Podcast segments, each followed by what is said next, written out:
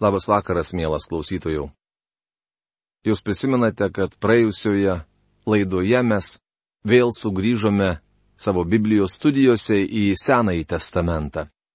Ir pradėjome nagrinėti Ezros knygą. Mes pradėjome pirmojo bei antrojo skyriaus apžvalgą. Šių skyrių tema - Įsakas ir likučio grįžimas į Jeruzalę. Ir nagrinėjame dabar potėme Kyro įsakas atstatyti šventyklą. Aš jums dabar priminimui perskaitysiu pirmasias dvi mūsų jau išnagrinėtas eilutes. Ir mes tęsime rašto apžvalgą. Taigi Kyro įsakas atstatyti šventyklą. Pirmais Persijos karaliaus Kyro metais kad būtų įvykdytas per Jeremiją tartas viešpatie žodis, viešpats įkvėpė Persijos karalių Kyrą visai karalystiai ir žodžiu, ir raštu paskelbti tokį įsaką. Taip kalbėjo Persijos karalius Kyras. Viešpats, dangaus Dievas, atidavė man visas žemės karalystės ir pavedė man pastatyti jam namus Jeruzalėje, kuri yra Jude. Ezros knygos pirmos kiriaus pirma antra eilutės.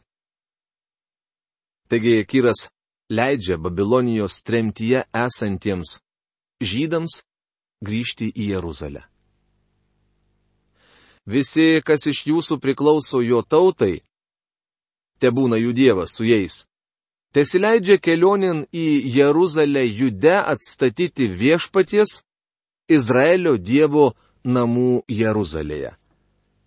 Ezros knygos pirmos kiriaus trečia eilutė.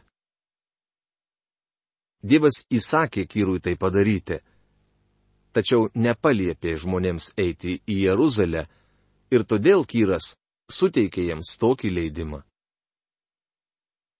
Visus išlikusius, kad ir kur jie gyventų, te paremė jų vietovių žmonės auksu ir sidabru, daiktais ir galvijais kartu su geros valios atnašomis Dievo namams Jeruzalėje. Ezros knygos pirmos kiriaus ketvirta eilutė. Žmonėms duotas leidimas grįžti. Tie, kurie nusprendė pasilikti, turėjo aukoti aukso, sidabro ir kitų vertingų daiktų, kad padėtų grįžtantiesiems įvykdyti paliepimą atstatyti Jeruzalės šventyklą. Judo ir Benjamino šeimų galvos, kunigai ir levitai, kurių dvasia Dievas iš tikrųjų buvo įkvėpęs tai daryti, pasiruošė vykti ir atstatyti Dievo namus Jeruzalėje. Visi jų kaimynai parėmė juos sidabro reikmenimis, auksu, daiktais, galvijais ir vertingomis dovanomis kartu su tuo, kas buvo duota kaip geros valios atnaša. Ezros knygos pirmos kiriaus penkta, šešta eilutės. Kaip jau esu anksčiau minėjęs, tik labai nedaug žmonių nusprendė grįžti. Nenoriu jų dėl to teisti, galbūt jie tikrai turėjo rimtų priežasčių. Tačiau akivaizdu, jog Dievas troško, kad sugrįžtų visi. Tačiau kai kurie izraelitai nusprendė kitaip. Jie jau apsiprato Babilone. Aš manau, jog daugelis jų buvo patogiai įsikūrę. Jiems patiko komfortas bei turtinga Babilono visuomenė. Daugelis klėstėjo, todėl ir nusprendė pasilikti. Jie mane, kad tai ne Dievo valia arba gal nelaikas jiems grįžti. Nereikia nei sakyti, kad tie žmonės prasilenkė su Dievo valia. Vėliau skaitydami Esteros knygą, sužinosime, kaip sekėsi tiems, kurie pasiliko o jų istorija netokia jau ir laiminga. Vienintelis dalykas, kurį galima pasakyti jų naudai, yra tai, jog tarp šių dviejų grupių, tų, kurie grįžo ir tų, kurie pasiliko, nebuvo jokios priešiškumo ar teisimo dvasios. Pasiliekantieji pagelbėjo grįžtantiems savo broliams ir dovanojo jiems reikalingų daiktų. Šią istoriją galima pritaikyti ir mūsų dienoms. Tai gana įdomu. Pavyzdžiui, ne visi krikščionys yra pašaukti misionieriauti užsienyje. Esu įsitikinęs, jog niekada nebuvau pašauktas išvažiuoti iš savo šalies. Visiškai atvirai galiu Jums pasakyti, kodėl Dievas to nepadarė. Aš neturiu tiek vidinės tvirtybės, kad būčiau misionieriumi. Aš neištverčiau lėto judėjimo. Man patinka greitas veiksmas. O misijų laukose to nepamatysi. Viskas vyksta labai lietai. Į misijų laukus Dievas pašaukė daug nuostabių žmonių. Turime juos paremti ir palaikyti savo maldomis bei padrasinimu. Kalbu apie tuos, kurie yra šios šalies priešakinėse linijose, skelbdami Dievo žodį. Paskaičiuota, jog kiekvienam kareiviui, kariaujančiam priešakinėse pozicijose, turi tekti dešimt žmonių, kurie užnugaryje jam parūpina maisto, drabužių, medikamentų bei amunicijos. Tokia šiandien yra ir Dievo armija. Ezros dienomi žmonės, kurie nusprendė pasilikti, jautė atsakomybę už savo brolius, grįžtančius į Jeruzalę. Grįžusi grupė buvo vargingesnio luomo žmonės. Tai buvo Judo ir Benjamino šeimų galvos, kunigai ir levitai. Psalmininkas rašo, jis veda kukliuosius teisingų takų ir moko juos savo kelio. 25 psalmė 9 eilutė. Tie žmonės suprato, kokiu laiku gyvena. Todėl ir sugrįžo į savo šalį. Be to karalius Kyras perdavė viešpaties namų reikmenis, kuriuos nebukadnecaras buvo išgabenęs iš Jeruzalės ir padėjęs į savo dievų namus. Ezros knygos pirmos kiriaus septinta eilutė. Iš kur Kyras gavo viešpaties namų reikmenis? Jie buvo panaudoti, suteršti per Balšacaro vyno puotą, kai Babiloną užkariavo Medai ir Persai. Danielius rašė, būdamas apsvaigęs nuo vyno, Belšacaras įsakė atnešti aukso ir sidabro indus, jo tėvo nebukadnecaro paimtus iš Jeruzalės šventyklos, kad iš jų galėtų gerti karalius ir jo didžiūnai, jo žmonos ir sugulovės. Aukso indai paimti iš šventyklos, tai yra Dievo namų Jeruzalėje, buvo atnešti, o karalius ir jo didžiūnai, jo žmonos ir sugulovės gėrė iš jų. Jie gėrė vyną ir šlovino dievus padarytus iš aukso ir sidabro, žalbario, geležies, medžio ir akmens. Rašoma Danieliaus knygos penktos skyrius antroje ketvirtoje eilutėje. Ta pačia naktį Babilonas buvo užkariautas. Persų karaliai paslėpė tuos reikmenis ir kai Kyras tapo karaliumi, Dievas pasirūpino, kad jie niekur nebūtų dingę. Šie šventi reikmenis, šventi, nes buvo skirti Dievui, vėl pateko į kunigų ir levitų, grįžtančių į Jeruzalę rankas. Persijos karalius Kyras padavė juos išdininkui Mitredatui, kuris juos perdavė judo vadui Šešbacarui. Ezros knygos pirmos kiriaus aštunta eilutė. Reikmenys oficialiai buvo perduoti žydams ir šventasis raštas pateikė apie juos išsamesnę informaciją. O jų buvo tiek.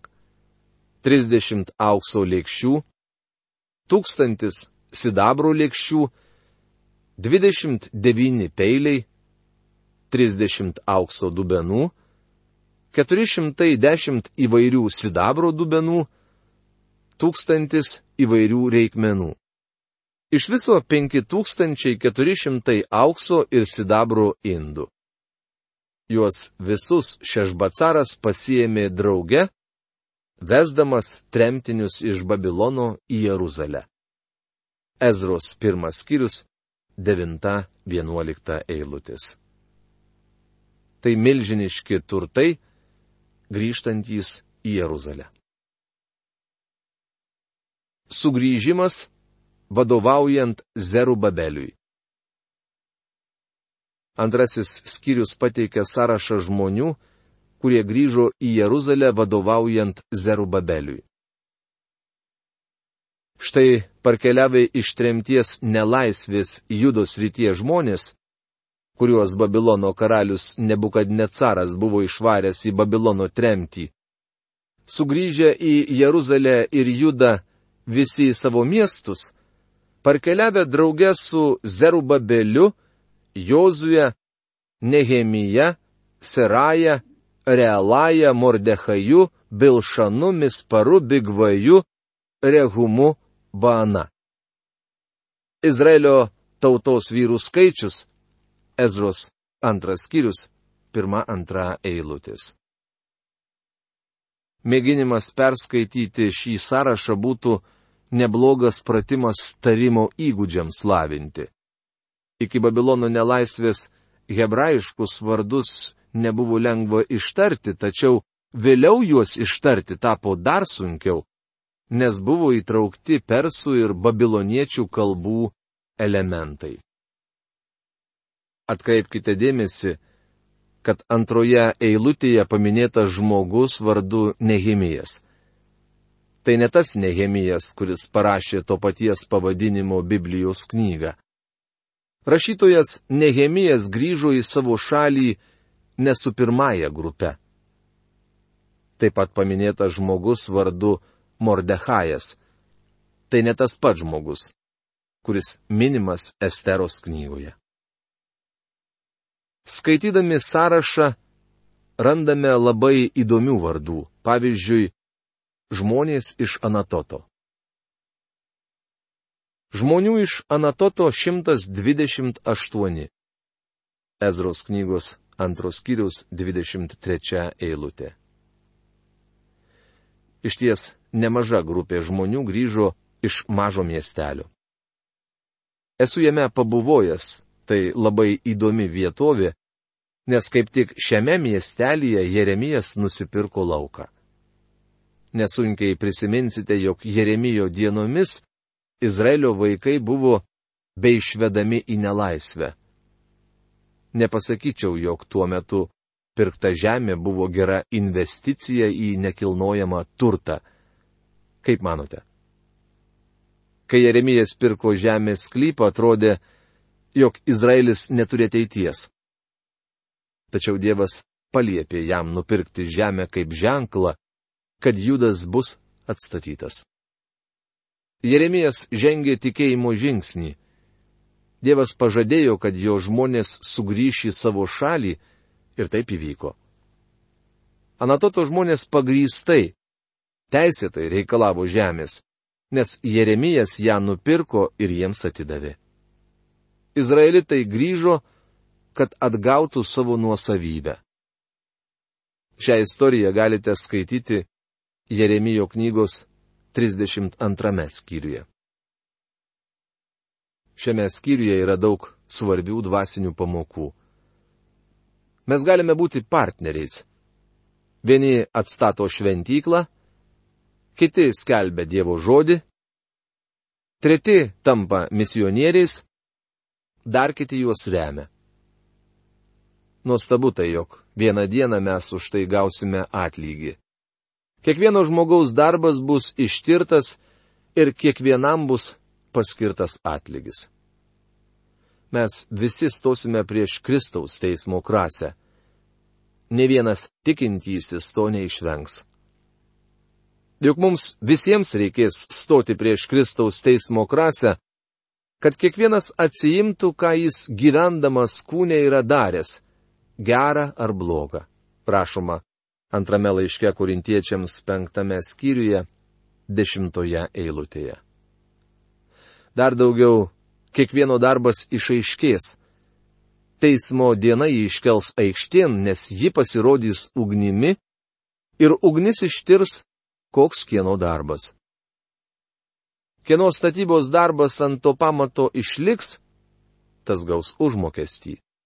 O kieno darbas sudegs, tas praras užmokestį. Jis pats išsigelbės, bet tartum per ugnį. Prašoma, pirmame laiške korintiečiams, trečiame skyriuje, 13-15 eilutėse. Lankydamasis Korinte, nusifotografavau prieš teismo sostą.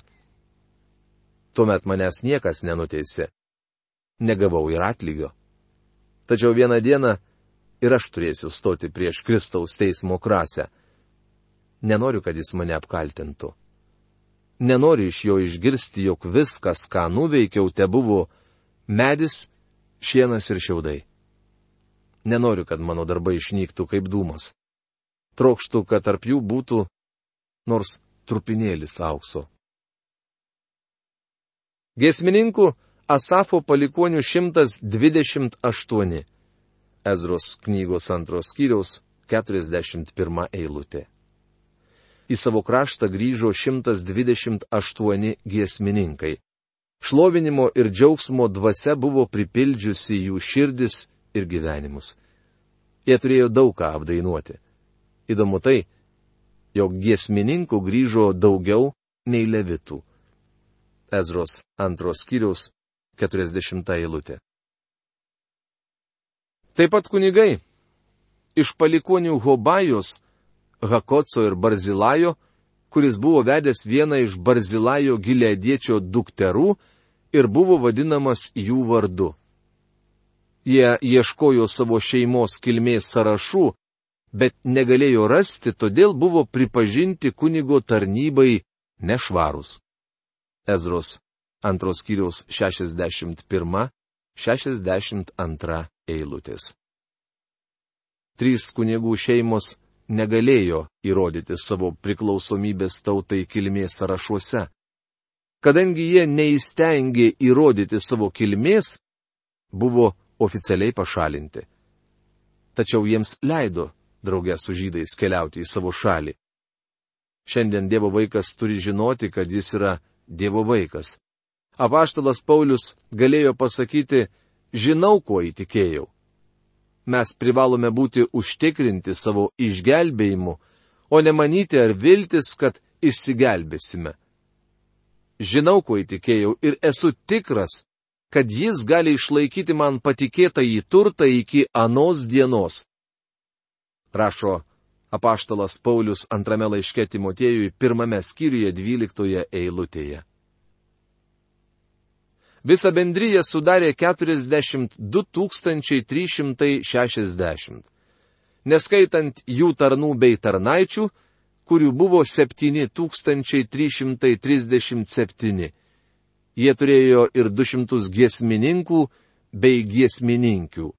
Ezros antros kiriaus 64-65 eilutės. Iš šios šventojo rašto vietos sužinome, kiek žmonių draugė su Zeru Babeliu grįžo į savo šalį. Visa bendryje 42 360, tarnai ir tarnaitės 7337, giesmininkai ir giesmininkis 200. Iš viso 49 897 žmonės. Ezros trečias bei ketvirtas skyriai tema - šventyklos atstatymas prasideda ir sustoja.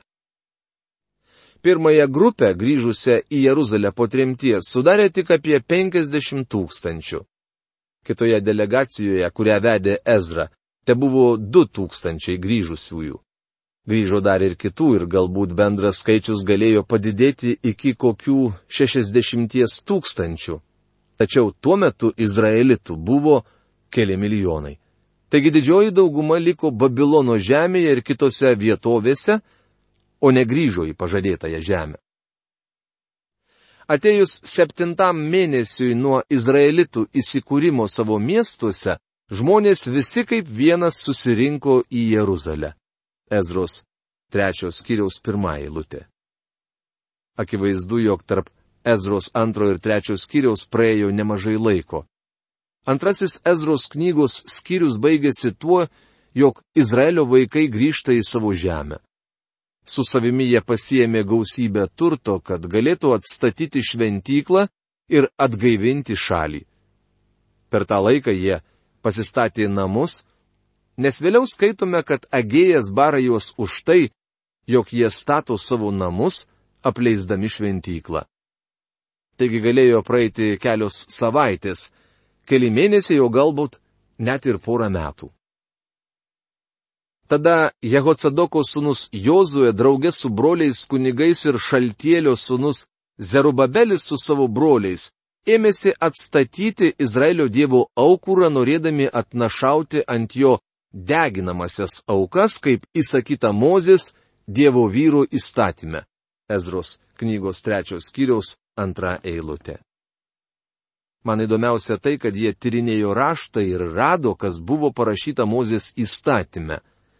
Kai jie sužinojo, kas jame parašyta, nekilo jokių nesutarimų ar skirtingų nuomonių. Jie ne tik grįžo į savo šalį, jie taip pat sugrįžo ir prie Mozės įstatymo. Biblija tapo jų autoritetu. Todėl sprendimų neįtakojo nei atskirų žmonių supratimai, nei nuomonės. Tai tinka ir mums. Nėra taip svarbu, ką kalba ar galvoja žmonės. Šventojo rašto pakanka, nes jame surašyti visi pamokymai reikalingi tiems, kurie trokšta likti ištikimi Dievui. Būtent dėl šios priežasties aš neskaitau paskaitų apie metodiką, psichologiją arba seksą. Aš pamokslauju ir mokau Dievo žodžio. Privalome studijuoti visą Dievo žodį, o ne atskiras jo vietas. Dėkoju Dievui už gerai žinomas eilutes, tačiau manau, kad kai kurios jų buvo per dažnai cituojamos kitų Biblijos vietų sąskaita. Kai skaitome visą Dievo žodį, mums nereikia knygos apie tai, kaip santokoje būti laimingu ir panašių knygų, kurių tiesiog apstu. Dievo žodyje slypi visi atsakymai. Tad gal grįžkime prie pirminio šaltinio. Taip kaip jie atstatė aukurą, nepaisydami šalies žmonių baimės ir atnašavo ant jo viešpačiui. Mes su jumis skaitysime jau kitoje mūsų laidoje. O šiandien mūsų laidai skirtas laikas baigėsi. Iki malonaus susitikimo. Sudė.